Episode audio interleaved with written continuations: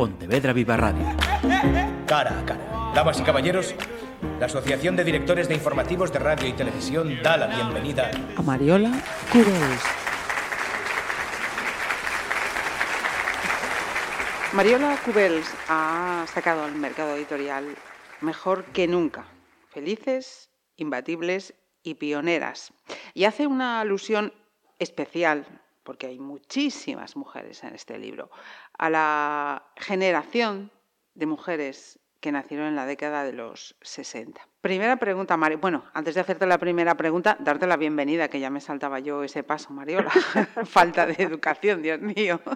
Nada, no te preocupes. Eh, muchas gracias a vosotros por contar conmigo. Mira, eh, está señalado en estas páginas, lo sé, pero pregunto para quienes no, no han leído. ¿Es un libro de reivindicación, de provocación, de empoderamiento o todo a la vez? Bueno, está muy bien todo a la vez. A ver, es una crónica, es un relato. Yo creo que a nosotras nos faltaba, a la gente de esta generación, nos faltaba un relato, un relato literario, un relato eh, memorialístico incluso, y es lo que yo he intentado hacer porque eh, me parece que, que si no se nos cuenta, las cosas que no se cuentan no existen. Entonces, a mí me parecía que existían relatos de millennials, de, gente mucho más mayor que nosotras también, hay relatos sobre, sobre la vejez, sobre cómo llevarla a cabo, pero esta franja de edad estaba como por, por relatar, ¿no? por narrar. Y, y yo creo que he escrito un libro luminoso, lo que tú dices, reivindicativo también, una especie también de homenaje, es una carta de amor a, la generación, a este, a este colectivo de, mujeres tan pioneras en tantas cosas. Y eso es un poco lo que he intentado hacer, porque además yo soy solo periodista. No soy ensayista, no soy socióloga. Y entonces, claro, yo sé escribir crónicas, yo sé relatar historias eh, que me rodean, ¿no? Entonces eso es un poco lo que, lo que he intentado hacer mezclando mis propias experiencias vitales con este punto también, bueno, pues eso sabes que se lleva mucho, lo de el punto este confesional, que a mí es un tono que se me da bien, ¿no? Llevo muchos años ejerciéndolo en, en, el, en el mundo audiovisual y luego mezclándolo pues con todo lo que, lo que yo, con todo mi oficio, con, con mis colegas, con las entrevistas que he hecho a lo largo de toda mi vida, con los libros leídos, con las conversaciones gratísimas con amigas, con compañeras, con colegas de profesión, con historias que, que a ti te van llegando a lo largo de tu vida y que tú las, las aglutinas en tu, en tu cabeza, en tu imaginario colectivo, y luego aprovechas pues los reportajes, esto los que somos periodistas lo sabemos, eh, para, para, bueno, para destilar todo eso, todo ese, todo ese conocimiento a través de las páginas, o a través de la voz, o a través de lo que, bueno, de cuál sea tu medio, ¿no? En ese sentido. Y eso es lo que he hecho, querida mía. Mira, Mariola, y a este título se le tiene, ya su apostilla, Felices, Imbatibles y Pioneras, pero ¿se le podría añadir a pesar de ellos?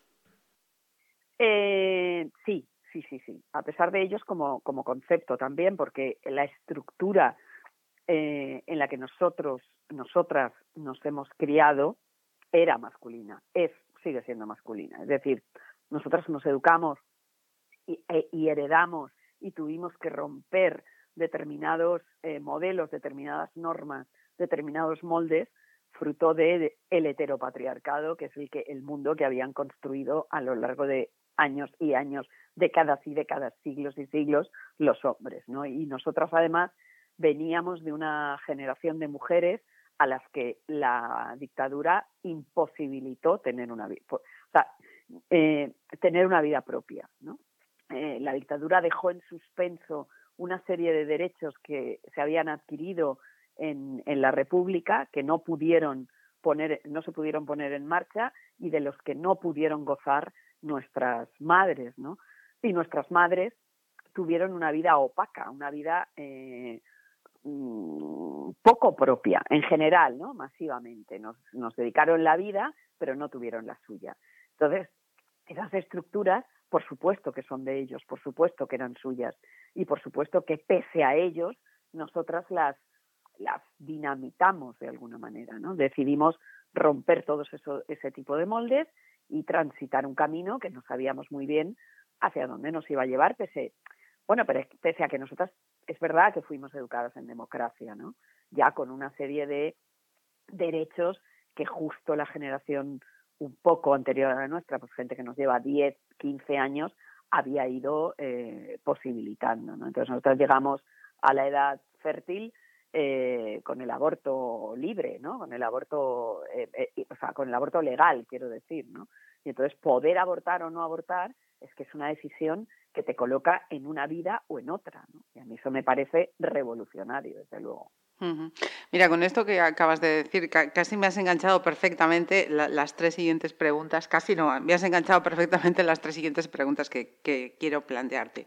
Por una parte, eh, hacías alusión a, las madres, ¿no? A esa generación de, las que se han llamado mujeres de posguerra, que nacieron en la década pues, eh, de los 40 y que decías tú, em, tuvieron su vida pero no, no pudieron vivirla, ¿no? Y sin embargo, fíjate, yo me quedaba pensando, leyendo este libro, en que mm, quizá ahora en este momento, en las que afortunadamente eh, las circunstancias vitales se lo, se lo permiten, ¿no? Eh, sí que las veo que están efectivamente mejor que nunca, que no se quedan en casa, pese a que hayan perdido a sus eh, parejas, que tienen actividades, que viajan, que, que visten como nunca antes lo, lo, lo, habían hecho. Y digo, es que ellas también quizá Mm, en la medida de sus posibilidades, si la vida en estos momentos se lo permite, también están mejor que nunca. Absolutamente, absolutamente, sí, sí, sí, no, no, yo creo que es que, a ver, es que lo que no, lo que, lo que creo que, que, bueno, yo intento eh, relatar en el libro es que estamos ante un cambio de paradigma, ¿no? Nosotras hemos inaugurado un mundo distinto y ese, a ese mundo han llegado desde diferentes lugares otras generaciones, fruto de eh, nuestra manera de estar en el mundo, fruto de lo que sabíamos de otras generaciones anteriores, eh, fruto de la educación que hemos intentado darles a nuestros hijos y a nuestras hijas, ¿no? Entonces, ese cambio de paradigma a mí me parece que es lo más, eh, lo más fundamental, claro, sí, sí, sí. Sí, sí, y ese tipo de cosas de las que, de las que hablas, hay una serie de ítems que, que son fundamentales en la vida de cada uno, es decir, una cosa tan tonta como esta, ¿no? Como eh, voy a decidir si quiero tener hijos o no.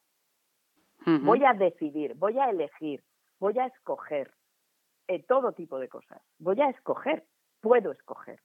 Eso es, eh, ahora parece, tú lo dices y dices, pues claro, pero no ha estado tan claro a lo largo de la historia.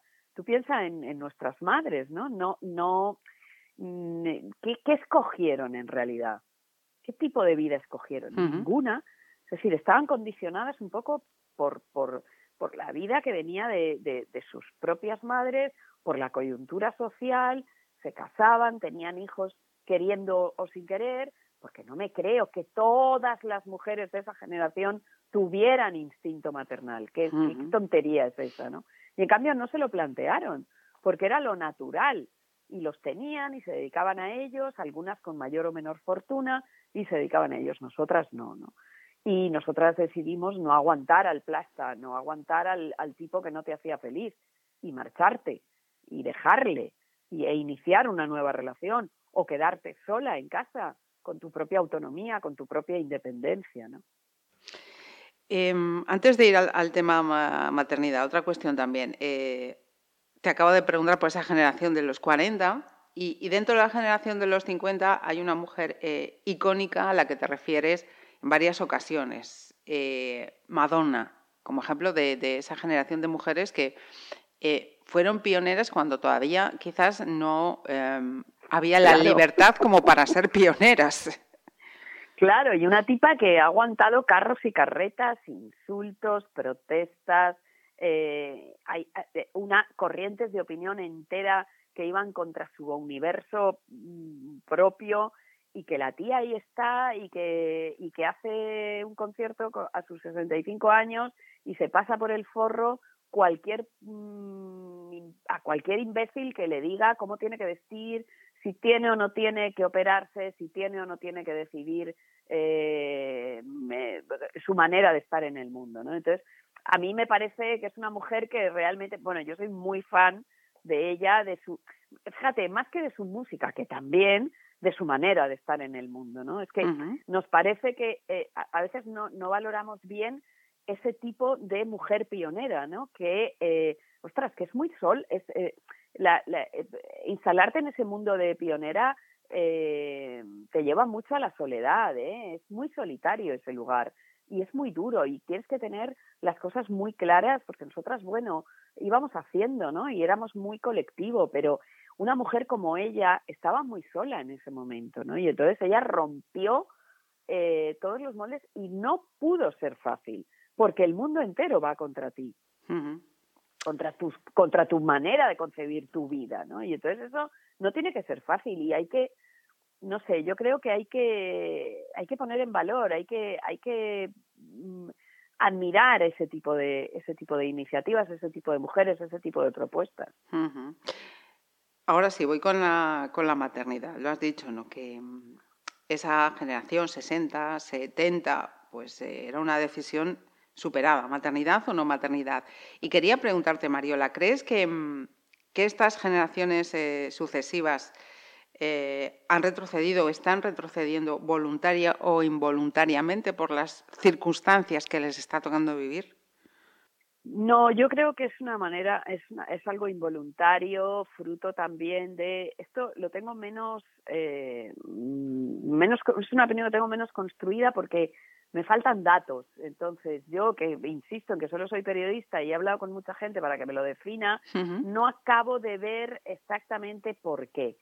Tengo alguna teoría que es que, bueno, nosotras sí quisimos romper con el modelo anterior, ¿vale? Con el modelo, nosotras vimos a nuestras madres y dijimos, no, no, esto no lo queremos, para nada, o sea, en absoluto. Y nosotras emprendimos una maternidad radicalmente distinta. Esta generación, que es un poco, algunas de ellas, hijas nuestras, ¿no? eh, bueno, pues a lo mejor eh, tampoco les acabó de gustar el modelo, el modelo maternal nuestro, o una cosa más importante aún, que es positiva, que es ellas han decidido elegir. O sea, ellas tienen un montón de opciones a su alrededor y han elegido esa porque, bueno, pues porque les parece más revolucionaria, más placentera, están en su derecho. ¿eh? A mí me parece una involución, pero claro, esta es mi opinión. La, ¿cuál es, ¿Qué es lo positivo de todo esto? Ostras, que de pronto las mujeres pueden ejercer la maternidad como les da la gana como quieren, sin tener en cuenta a los otros, sin presiones, no solo a la hora de ser madre o no ser madre, sino a la hora de cómo llevas a cabo una vez eres madre esa maternidad. Tú te quieres dedicar, te dedicas, el mundo te va a apoyar y te va a respetar. Es que eso es fundamental, ese es, ese es el gran cambio, ¿no? Eh, la generación de nuestras madres eso, eso no lo tuvo y nosotras tuvimos que vencer todavía muchos tópicos. Es decir, nosotras emprendimos una maternidad responsable llevando nuestras carreras profesionales sin dudarlo. Y eso todavía eh, nos causó, eh, en fin, eh, cierta presión, una corriente de opinión. Nos tuvimos que escuchar muchas, yo me he escuchado todavía muchas voces contrarias a, ay, claro, pero es que la niña se queda sola y tal, y no sé qué, y no sé cuántos, y no la puedes poner a dormir. O sea, esa presión ya no existe, porque eso ahora hay mil tipos de maternidades y esas mil maneras de llevar a cabo tu maternidad están consentidas y completamente y son eh, perfectamente compatibles con el mundo, ¿no? Nadie con sus complejidades, claro, pero sobre todo es eso, ¿no? Se respeta esa elección. Citas también eh, la feminidad tóxica. ¿Cómo la definimos, Mariola?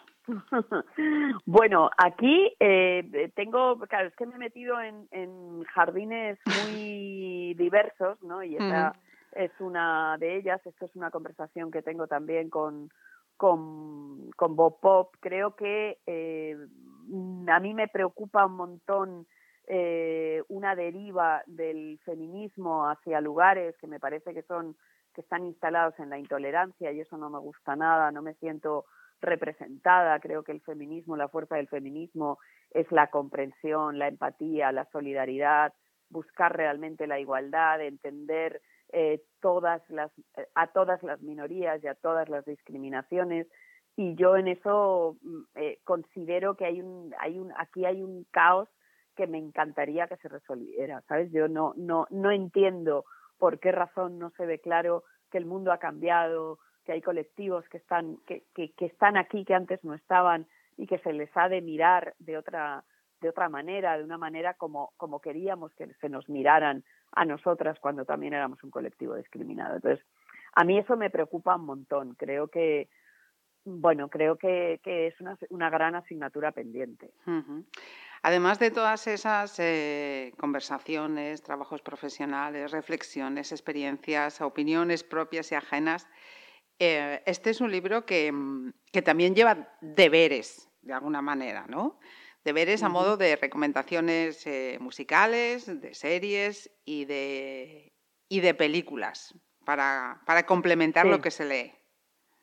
Sí, me, me, ha gustado mucho poder hacer ese, ese ejercicio, introducir pues eso, porque yo también creo que somos fruto de lo que oímos y de lo que, de lo que vemos, ¿no? Entonces, eh, me ha gustado mucho poder poder elegir eso, poder, o sea, poder, poder, poder estar, sea, poder meter ese tipo de cosas en la, en la, en el libro para que fuera más rico, ¿sabes? Pues mejor que nunca. Felices, imbatibles y pioneras de Mariola Cubels. Abrís estas páginas y ahí veis todas esas reflexiones y todas esas recomendaciones. Mariola, muchísimas gracias por atendernos. Muchas gracias a ti, muchas gracias a ti. Pontevedra Viva Radio. ¿Me permiten que les haga un comentario como espectadores del programa Cara a Cara? Según un reciente sondeo de mercado, ustedes disponen de estudios e inteligencias superiores a la media. Sus intereses abarcan desde la actualidad mundial y la ciencia hasta el deporte y los espectáculos.